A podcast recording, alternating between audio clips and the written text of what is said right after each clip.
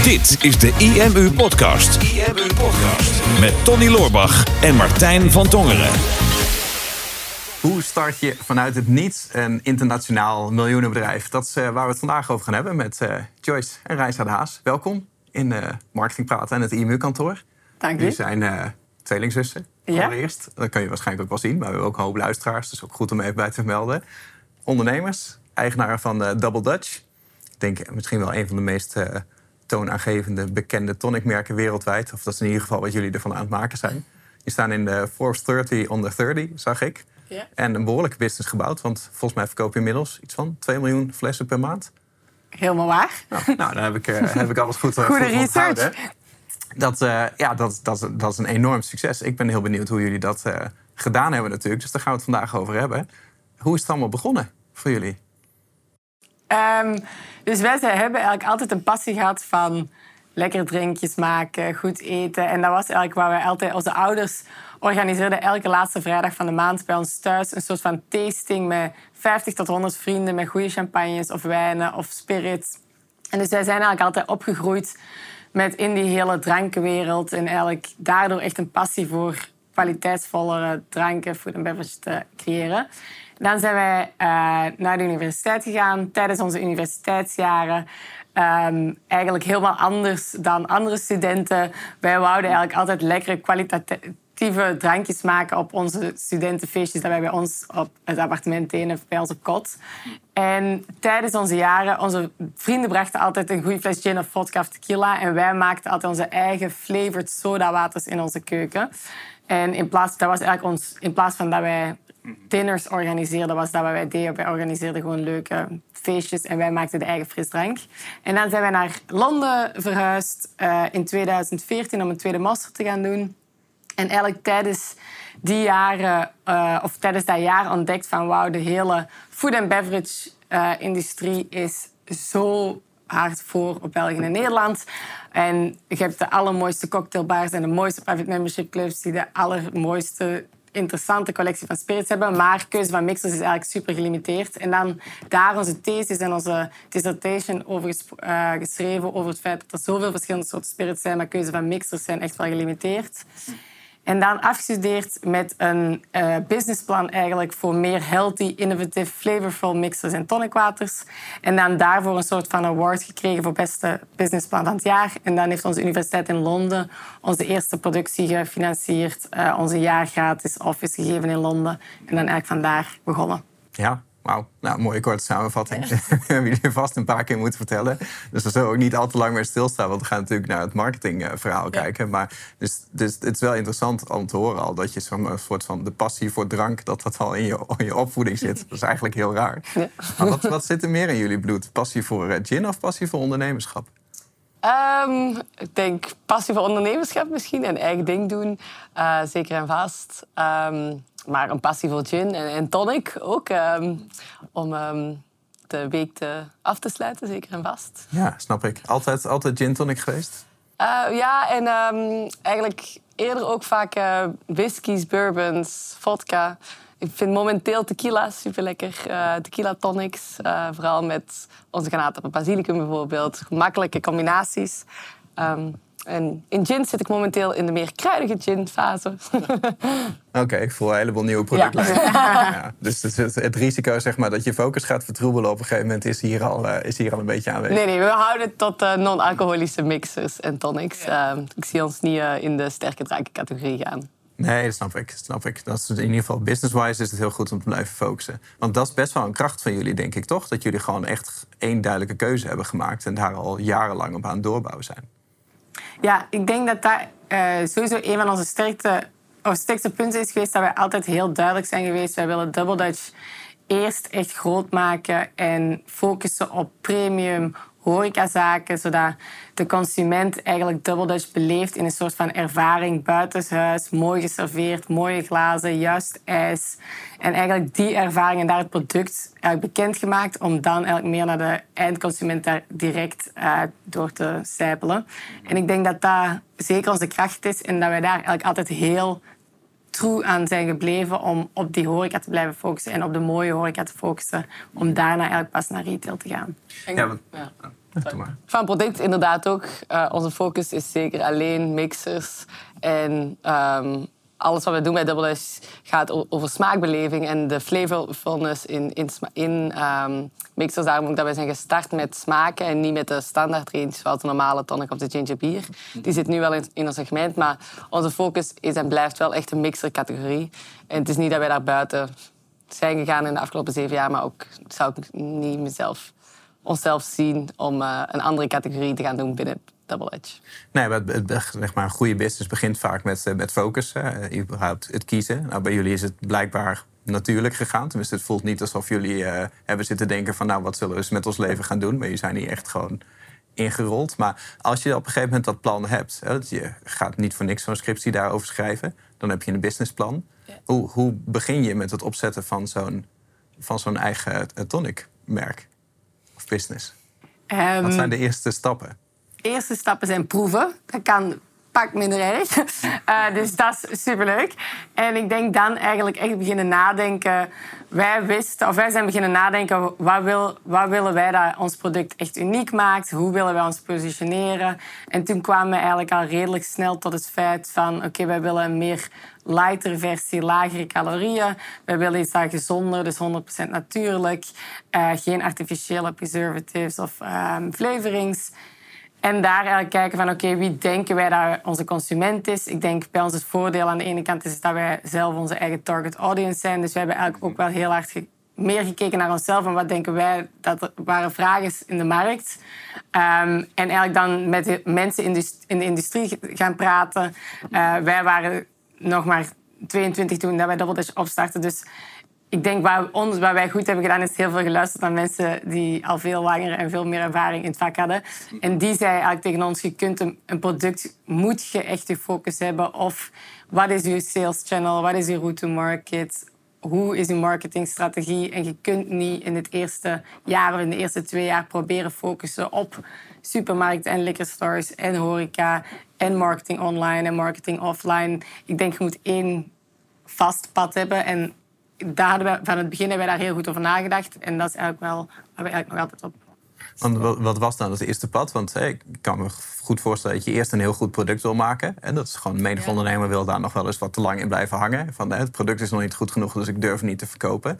Je zou ook kunnen argumenteren van ga het eerst eens verkopen, zodat je weet dat er vraag naar is. Voordat je er echt een goed product van gaat maken. Nou, bij jullie is het denk ik een beetje beide. Maar als je dat product dan hebt, hoe maak je dan je eerste verkoop? Ja, we hebben eigenlijk inderdaad... Um, wij zijn gelanceerd met product dat we eigenlijk wisten dat niet 100% af was. Qua label en qua product zelf. Omdat we dachten van we moeten inderdaad naar, gewoon gaan beginnen verkopen. En dan krijgen we wel de feedback van onze klanten in plaats van research te doen in een kamer met um, in, een, in een soort van marktonderzoek met consumenten die, waar daar gevraagd van wat vind jij van het product of wat vindt u van, van de labels. Ze hebben gewoon naar buiten gegaan en het meteen aan betalende klanten gevraagd. Um, waardoor dat ik denk dat we eigenlijk onze productontwikkeling en labeling er rond hebben kunnen um, aanpassen aan onze klant in plaats van wat wij dachten hoe dat het zou moeten zijn. Dus toen dat we eigenlijk een soort van afproduct dat niet helemaal afproduct was, zijn we gewoon beginnen ja, knocking on doors, uh, deur tot deur. Uh, Gewoon letterlijk in de straat? Letterlijk in de straat. Uh, begonnen in Mayfair, alle vijf sterrenhotels, alle cocktailbars. Gewoon um, naar de receptie gegaan en gezegd ah, okay. van... Dus niet, niet consumentendeuren? Nee, nee enkel, enkel horeca en echt klanten. En gewoon gevraagd van, heeft de barmanager of, of de GM vijf minuten tijd voor ons? Mm -hmm. Weinig mensen hadden tijd. maar degenen die toch tijd hadden, ja. En dan zijn er op een gegeven moment gewoon bar-eigenaren die zeggen van... nou, zet maar een flesje neer en dan kijk ik wel of mensen het bestellen. Ja, ja. Inderdaad. Ik denk dat wij op het begin kregen we nog wel redelijk... Of je krijgt sowieso altijd superveel nee's. En dan zijn we eigenlijk gaan zeggen van... Goh, oké, laten we kunnen het dan niet in consignment doen. En we zijn echt super uh, zeker van ons product. Dus als je nou eens, weet ik veel, één of twee cases achter de bar doet... als het niet verkoopt, dan komen we het volgende week wel terughalen. En toen hebben wij ook wel gezien dat er wel een super goede, of een superleuke hulpcultuur is, waarbij dat de ene bartender kende dan de andere bartender. En zo is dat eigenlijk lichtjes zo stapje per stapje gegaan. Mhm. en, en zo is het ook gaan groeien, zeg maar, in de horeca? Dus gewoon van barman op barman? Of ja. wat, wat was eigenlijk de, grote, de echte grote slag? Wanneer begon het echt een business te worden? Uh, ik denk inderdaad van bar tot bar. En Uh, Rome is niet gebouwd op een dag, zoals ze zeggen. Um, maar ik denk inderdaad dat het letterlijk uh, ja, gewoon uh, paar per paar in horecazaak per horecazaak mm is.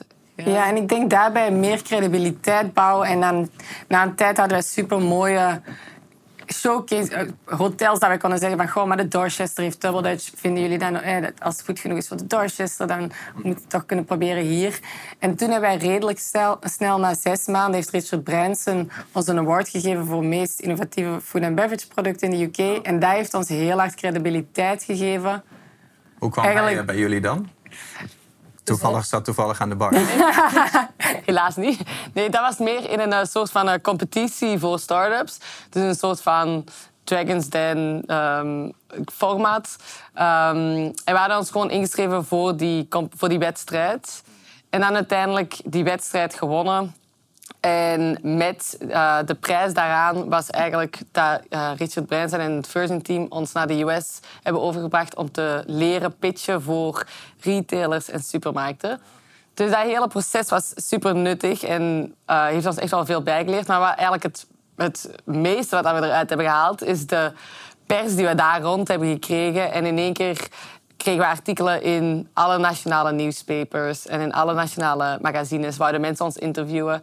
En dat gaf ons meer uh, brand awareness in de UK, maar ook meer credibiliteit met grotere, met supermarkten die bijvoorbeeld die ons bijvoorbeeld een artikel hadden gelezen. Of dat heeft ons gewoon, ik denk dat dat eerste was dat ons echt een beetje zelfvertrouwen aan de ene kant heeft gegeven, maar ook aan de andere kant meer credibiliteit voor klanten. Van ah, oké, Richard Branson staat erachter. Mensen dachten dat wij een pak groter waren dan dat wij eigenlijk in realiteit waren. Omdat er zoveel pers- en media-aandacht rond was. Mm Wat eigenlijk...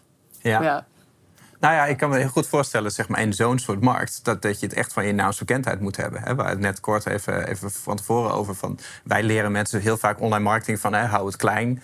Uh, ga kijken waar je doelgroep op zoekt. En zorg dat als ze daarop zoeken dat jouw website naar boven komt. Maar als je hiermee start, dan is er natuurlijk niemand die je specifiek naar zoekt. Ja, zoeken waarschijnlijk wel mensen naar Tonic. Maar die zullen niet zo heel snel naar een, een website gaan van een merk wat ze, wat ze bijvoorbeeld niet kennen. Dus dan moet je het waarschijnlijk echt van je, van je PR-strategie hebben.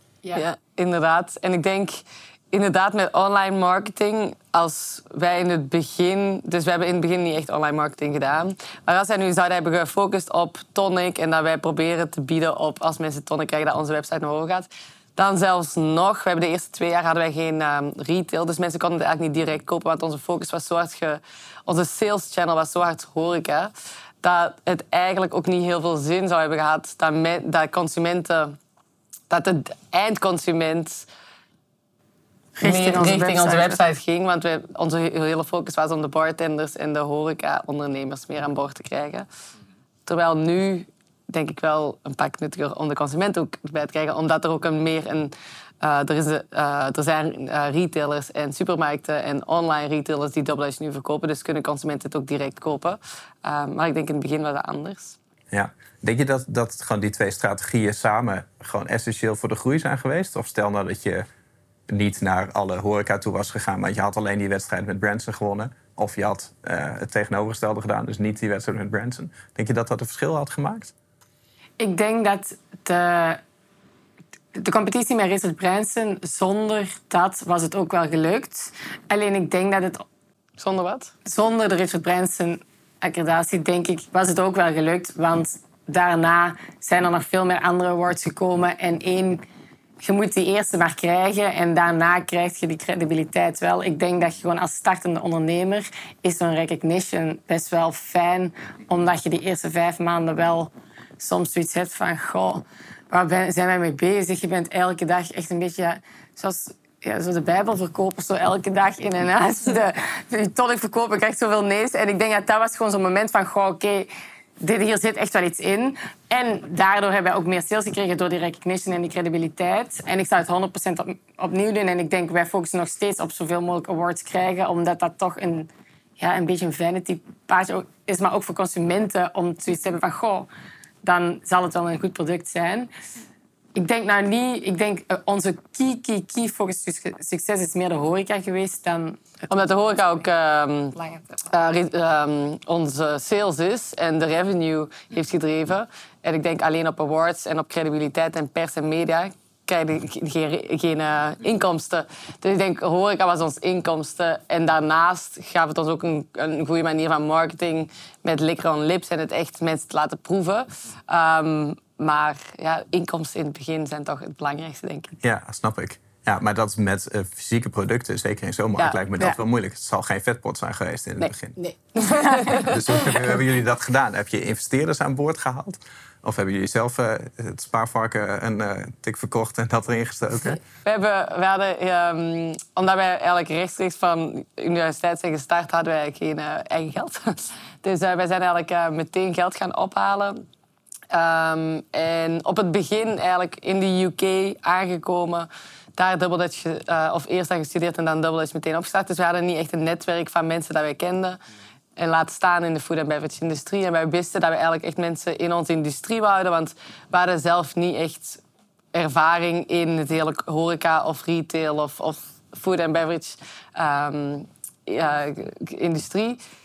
Dus wij zijn toen op LinkedIn mensen gaan beginnen zoeken die we dachten dat super relevant waren. Zoals bijvoorbeeld uh, horecaondernemers of uh, mensen die in, in de spirits, sterke drankindustrie zaten. En um, mensen gewoon op LinkedIn gestuurd omdat ze geïnteresseerd waren om koffie te drinken. Ja. En eventueel... Um, we zijn niet direct in de eerste e-mail van in, geïnteresseerd in investering, maar daardoor wel eigenlijk onze allereerste investeerders via LinkedIn vonden. Um, en dan we hebben laatst onze laatste investeringsronde gedaan met de familie Heineken. Um, en hun hebben ze ons super hard, um, of zijn super behulpzaam. Mhm. um, en ja, een super mooie samenwerking en uh, ook een, een, credibiliteit naar andere mensen toe ook. Ja, ja dus Van Heineken zit voor 10% in jullie business nu? Ja, ondertussen. Dus ze hebben zich ingekocht of blijven inkopen wanneer ze kunnen. Dus ze zitten nu op 15%. Oh ja, nou, ze blijven lekker, eh, lekker doorhamsteren. Ja. ja. Ja, het, is, het is wel interessant, want ik denk, mensen die luisteren zitten sowieso een heleboel eye-openers in. Maar het klinkt allemaal zo logisch als jullie het zo vertellen. Maar ja, dat, dat is het natuurlijk niet. Hè. Het is gewoon alleen al überhaupt die eerste stap zetten om je product te gaan verkopen, is voor heel veel ondernemers vaak al moeilijk. Hè. Dat je een beetje blijft in de creatiefase. Maar heel veel ondernemers hebben natuurlijk de neiging om van ja, ik heb een goed idee en ik zet het online en dan wacht ik tot als het naar me toe komt wat ik nodig heb. En wat ik mooi vind aan jullie verhaal is dat je gewoon direct op zoek gaat naar datgene wat je nodig hebt. Van, nou, je gaat gewoon letterlijk op zoek naar je eerste klant. Door gewoon op de deur te kloppen van een potentiële klant van wil je dit niet in je bar zetten? En met een investeerder of met, uh, met naamsbekendheid is dat net zo. Hè? Als je te weinig naamsbekendheid hebt, dat je gewoon op zoek gaat naar iemand die die naamsbekendheid al heeft en die jou dat, die jou dat kan geven. En dat klinkt allemaal heel logisch. Ik wil toch nog even samenvatten voor mensen die luisteren. Dat dat, dat dat best wel bijzonder is. Maar Um, ik kan het een beetje volgen hoe het, hoe het gegaan is, zeg maar. Dus eh, Londen begonnen dan waarschijnlijk horeca uh, gefocust. En, en daarna, hoe zijn jullie daarna verder gegroeid? Dus wij zijn eigenlijk redelijk snel beginnen focussen op export ook. Meer omdat wij dachten van, goh, wij hebben schaalvoordelen nodig voor onze uh, productie en om onze, onze prijskost naar beneden te drukken, hebben we grotere volumes nodig. En we dachten gewoon in de UK eh, willen we het echt wel rustig bouwen. Dus laten we dezelfde strategie doen, maar in andere landen. Um, dus wij zijn na een jaar zijn wij redelijk snel beginnen exporteren. Eerst in Ierland en meer zo de buurlanden en dan vanuit daar verder opgebouwd. Uh, dus nu aan de ene kant onze groei ligt in expansie geografisch, maar wij zitten momenteel in 40 landen en dan willen wij liever die 40 landen echt keycore uh, groot maken dan dat wij per se naar 70 landen moeten gaan. Dus onze focus wordt, of is eigenlijk qua top 5 landen is Amerika, uh, UK, België, Nederland en dan UAE, dus Dubai, uh, die regio. Um, en aan de ene kant, horeca is nog altijd onze is een super grote factor, maar ik denk ook door COVID online is meer belangrijker geworden. Retail is belangrijker geworden. Die eindconsument is belangrijker geworden. En om die ook echt met er, ja, in een dubbelduits verhaal te krijgen. Om, en daardoor wordt nu online veel belangrijker eigenlijk dan dat het hiervoor is geweest. Ook door, uh, wat je zei, door, uh, door COVID. Als je hele businessmodel is het verkopen aan horeca... dan ja. hebben jullie niet een al te leuke tijd gehad. Hoe hebben jullie dat overleefd? Um, toen COVID uh, begon, begon het zo wat Engeland was een van de latere landen die, waar dat de horeca sloot. Dus wij dachten nog van, oké, die eerste weken in maart van Europa begint toe te gaan. Maar wij zagen al wel onze klanten sluiten, sluiten. Dus Italië sloot, Nederland sloot. Dat werd alleen maar erger en we dachten... goh, Ja, en uiteindelijk sluit ook eh, Engeland. Dus wij dachten, dit wordt echt de grootste nachtmerrie ooit. Dus we dachten van, oké, we moeten heel snel een eh, website, een online webshop bouwen. Dus vier dagen later hebben we onze webshop gelanceerd. Kunt u inbeelden hoe, hoe mooi dat die eruit zag? Oh, met z'n tweeën in elkaar zitten Ja, knutselen. en, eh, op ja. Shopify. Ja, heerlijk. Ehm, ja, die, was dus niet, eh, die werkte niet prima, maar ja, op zich wel iets tenminste. Ja, het did the job. Eh, en dan eigenlijk ehm, als team met, met Double Dutch, ons hele heel horecapersoneel, eh gezegd van we moeten echt focussen op die online, op onze eigen D2C-channel. Eh, maar ook op Amazon was echt een lifesaver. Eh Oh. Tijdens COVID heeft echt supergoed die switch naar ehm, de- eigenlijk die klant ik denk dat de consument tijdens COVID toch wel echt nog altijd die, die experience, die restaurant experience en bar experience, uiteindelijk naar thuis heeft willen brengen. Dus op Amazon en derde partij online retailers heeft echt wel die, eh, die gap die we in de horeca hadden eh, eh, opgepakt. En dan meer Ging- ging dat- retailers. Ging dat vanzelf? Want ik, ik kan me voorstellen, zeg maar, als jij een, een naamsbekendheid hebt in de horeca... dat horeca natuurlijk gewoon vast blijft bestellen. Maar als jij dit product gewoon op Amazon zet... en je bent een van de 20, 30 tonicmerken... Hoe, hoe onderscheid je daar? Ja, maar dat toch wel echt een, een, een goede, loyale volgelingen die toch echt wel meteen naar Amazon en naar online zijn gegaan. Ook wel door onze social media platforms, dus op Instagram. Ja, dat heeft ons ook wel geholpen om die allemaal richting online Ja. te brengen. Maar daarnaast zijn wij ook wel voor de eerste keer online marketing ads gaan doen en Ja. gaan bidden. En ja, zo van die dingen die we eigenlijk daarvoor Bidden nog als nooit in hadden gedaan. biedingen doen? Ja, ja dus eh, nee, alle twee. Bid dat de horeca terug open kan. en gaan bidden op andere tonicwaders en biedingen. Ehm, dus daar ook wel, eh, toch wel meer gefocust op alle investeringen, meer terug richting online. En uiteindelijk hebben wij 2020 eh, Geen omzetverlies. geen omzetverlies gedaan, dus hetzelfde omzet gedaan als 2019. En daardoor zijn we, zien wij nu eigenlijk dat misschien in hindsight is eigenlijk die COVID nog niet zo slecht geweest, want dat heeft ons ervoor gepusht om meer richting retail, online en offline te gaan, maar meer richting die eindconsument. En nu is de horeca terug open en hebben we eigenlijk twee, een, nieuw, een hele nieuwe sales channel die wij daarvoor niet hadden gehad. En ik denk dat het wel heel interessant is met het hele... Ik denk het, eh, de D2C bij ons met Double Dutch is... Gaat, denk ik, is moeilijk om echt een supergroot proportie van onze omzet ooit te laten worden. Omdat het zo'n duur product momenteel is qua glas. En redelijk eh, low-value eh, product, maar duur om te transporteren. Dus wij doen wel t- D2C, maar ik denk voor ons is het vooral interessant om eindelijk nu echt een, een echt beeld te hebben van wie is onze consument nu echt en wie gaat op onze website en leest of is gewoon geïnteresseerd maar koopt niet. Of op welk punt beslist een klant die eigenlijk wel naar onze shop gaat, beslist hij om toch eruit te gaan. Dus ik denk, het is wel interessant om... En dat is eigenlijk super basic, dat we daar nu pas eigenlijk mee bezig zijn. Maar het is wel interessant om echt specifiek te zien van wie onze klant nu is. Is het, ja, hoe oud zijn ze, wanneer, op welk moment van de dag eh, kopen ze. En, ja, Ja, snap ik. Hey, hoe is het met... ehm, want jullie zijn natuurlijk tweelingzusjes. Eh, nou, het rust er nog wel eens een vloek op het idee om met familie in business te gaan. Ik heb, ben heel goed bevriend met een van mijn broers, ook ondernemer. Wij hebben ook altijd gezegd van, eh, we kunnen elkaar inspireren... maar wij moeten nooit in hetzelfde bedrijf gaan werken. Want Ja. dat eh, zijn we allebei veel te koppig voor. Nu hebben we wel samen een investeringsmaatschappij. Dat kan dan nog redelijk. Maar ik kan me voorstellen, als je met z'n tweeën in zo'n business zit... en een situatie als COVID eh, dient zich aan... dan komt er wat meer stress op te staan. Hoe is dat dan om dan met je zusje in business te zitten? Ik denk eigenlijk in, in periodes van stress is het heel fijn om met familie in... Of ik denk in het algemeen eh, denk ik dat er eh, veel meer voordelen zijn dan nadelen. Want ik denk, je kunt elkaar 100% eh, vertrouwen. Het is zo'n natuurlijke band van... Partnership ook. ja, inderdaad. Hè. Er, is geen, je moet niet voorzichtig zijn als je denkt van ik ben het niet eens met wat jij zegt. Dan is het gewoon full on. Ja? Dus je Ja. durft elkaar juist heel goed... Inderdaad, ik denk je kunt ook, durft elkaar makkelijk tegen te spreken en een discussie aan te gaan. En eigenlijk meer, meer het sparren ten opzichte van elkaar is misschien directer en sneller.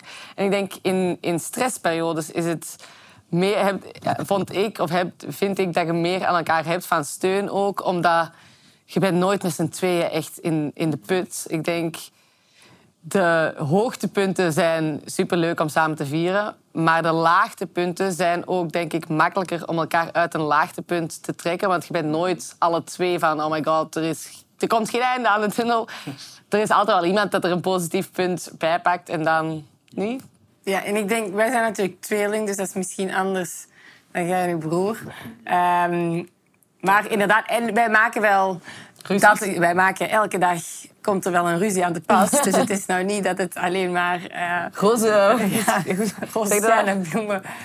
Zeg dat? Dus het is niet allemaal rooskleurig, maar het is wel... Wij hebben ruzies en die ruzies duren ook niet langer dan vijf minuten. En ja, dan is het ook weer move on to the next thing. Dus op zich uh, denk ik eigenlijk voor ons dat wij niet echt een beter partner zouden kunnen vinden. Maar ja. ja, nou ja, dat zijn jullie gezegend. Of, of jullie zijn gewoon allebei heel goed in staat om dat gewoon gescheiden te houden. Want ik neem aan dat je ook gewoon hele goede vriendinnen dan van elkaar bent. Ja. Zusjes, vriendinnen en businesspartners. Ja, en zeker. zijn drie rollen die nog wel eens mixen, lijkt mij. Ja. Jullie mixen natuurlijk al heel veel. Ja. Wij zijn zo goed in mixen. Ja, precies.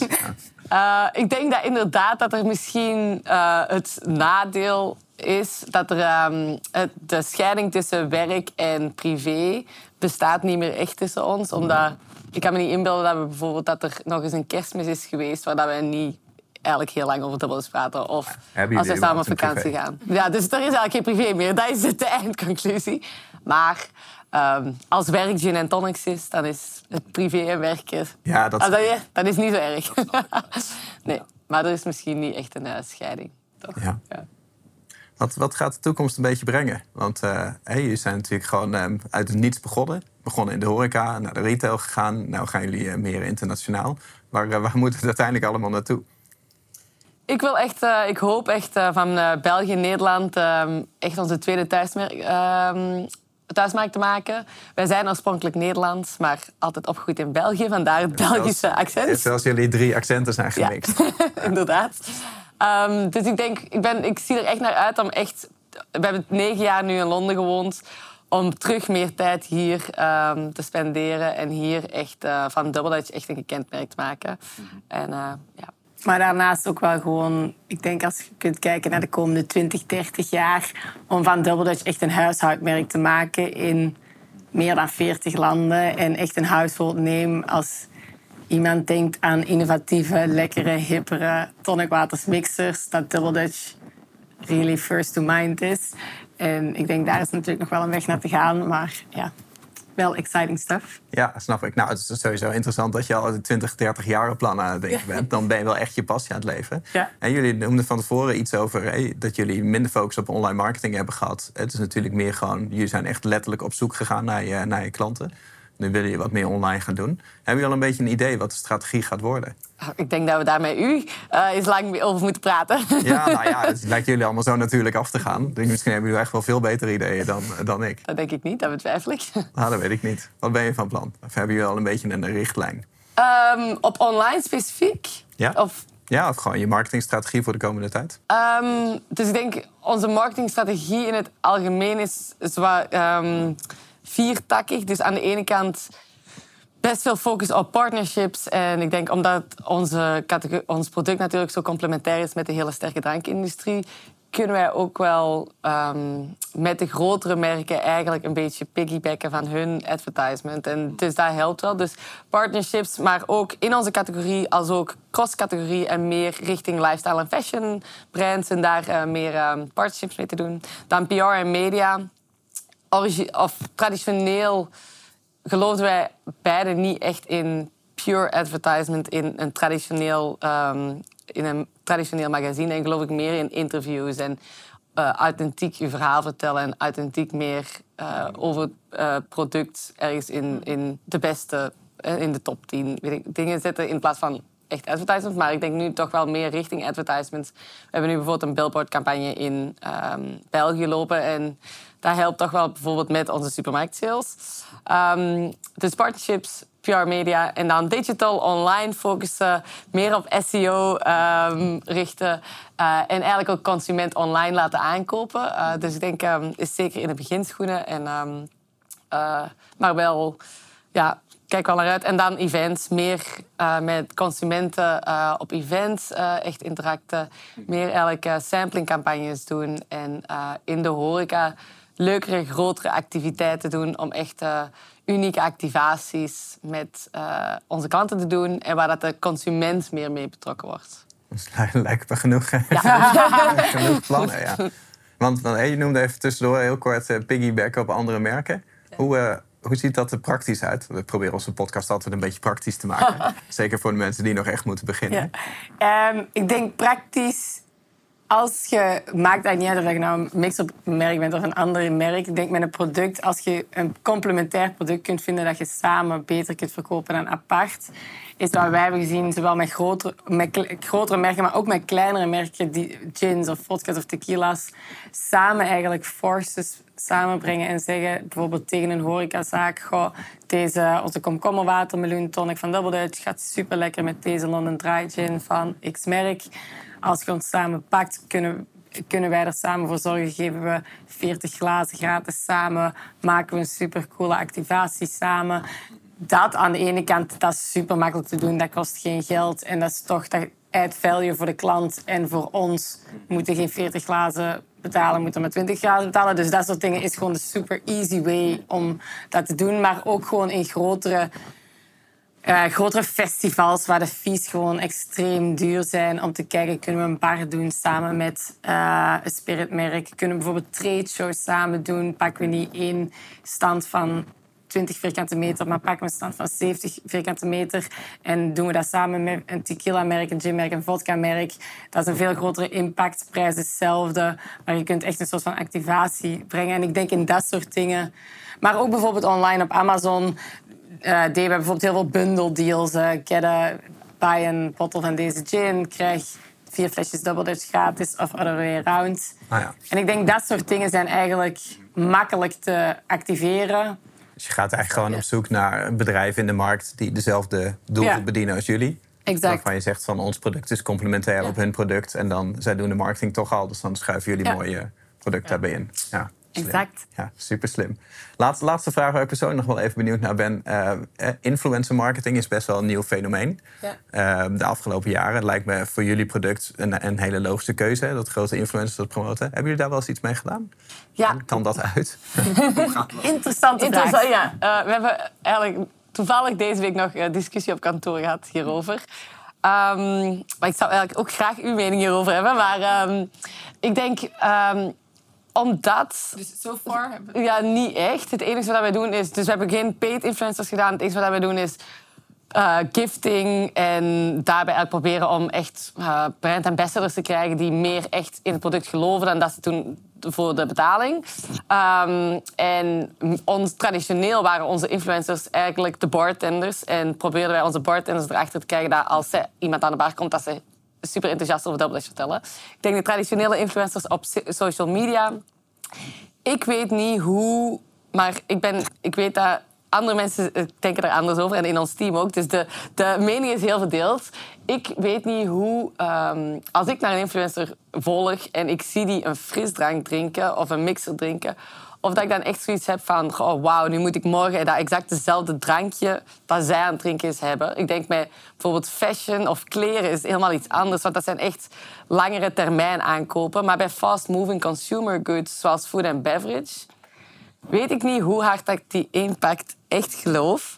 Maar Raisa is nogal heel sceptisch. Ik ben heel sceptisch. In, Sceptischer dan eender wie in het team. Ja. En ik denk... Dus, ik, dus niet aan mij luisteren. influencers wel een rol hebben te spelen binnen Double Dutch. Alleen ik denk dat er voor ons moet er een soort van niche-influencer gebeuren... waarbij dat het zo duidelijk zit waarbij onze target audience, waar we nu dus eindelijk achter komen via onze online marketing, dat we meer en meer aan het doen zijn. Dit is onze consument en die volgen deze 30 influencers, nou, daarvan zijn die vier zijn echt nuttig voor Double Dutch.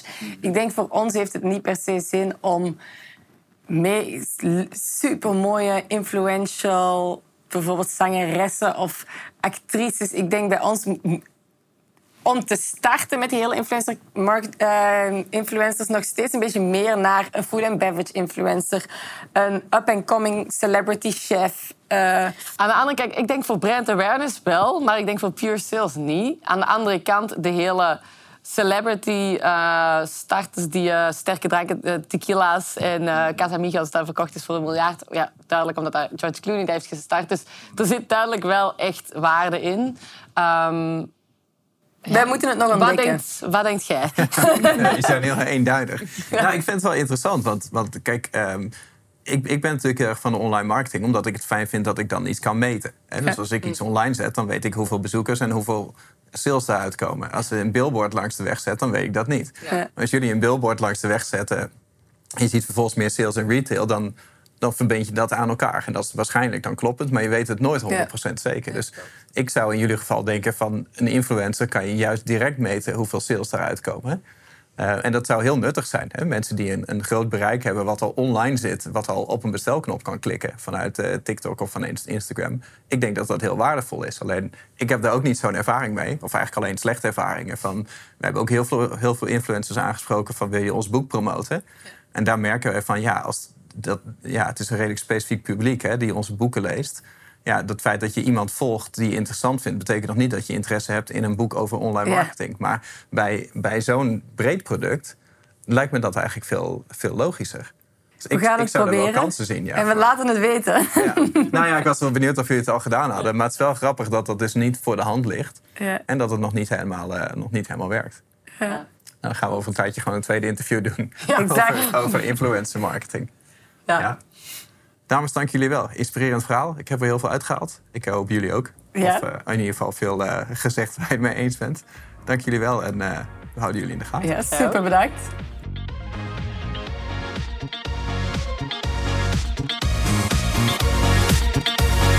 IMU Podcast. Super tof dat je hebt geluisterd naar de IMU podcast. Ik hoop dat je dit waardevol vond en dat je er inzichten uit hebt kunnen halen voor jezelf en voor je eigen business. Vond je dit nou een waardevolle podcast, dan zouden Tony en ik het heel erg waarderen als je dat zou willen delen. Enerzijds door dat bijvoorbeeld te delen via je eigen Instagram of via LinkedIn. Door een screenshot te maken van je telefoonscherm en ons daar even in te taggen. Maar wat we nog meer zouden waarderen is als je de tijd en moeite zou willen nemen om een review achter te laten. Werk je met een Apple-telefoon, dan kan je dat doen binnen je eigen podcast-app door daar een review te geven. Geef ons een x aantal sterren met daarbij een korte motivatie wat je van onze podcast vindt. Zouden we echt enorm waarderen als je die tijd zou willen nemen. En werk je met een Android-telefoon, dan zie je dat, daar, uh, dat de meeste apps geen review-mogelijkheid hebben. Wat we dan heel erg zouden waarderen is als je op Google IMU zou willen intypen en vervolgens via de Google Review-sectie iets zou willen vertellen over de IMU, wat je van ons vindt en wat je aan onze podcast hebt gehad. Alvast heel erg bedankt en ik hoop natuurlijk dat we je volgende week weer mogen verblijden met een volgende aflevering van de IMU Podcast.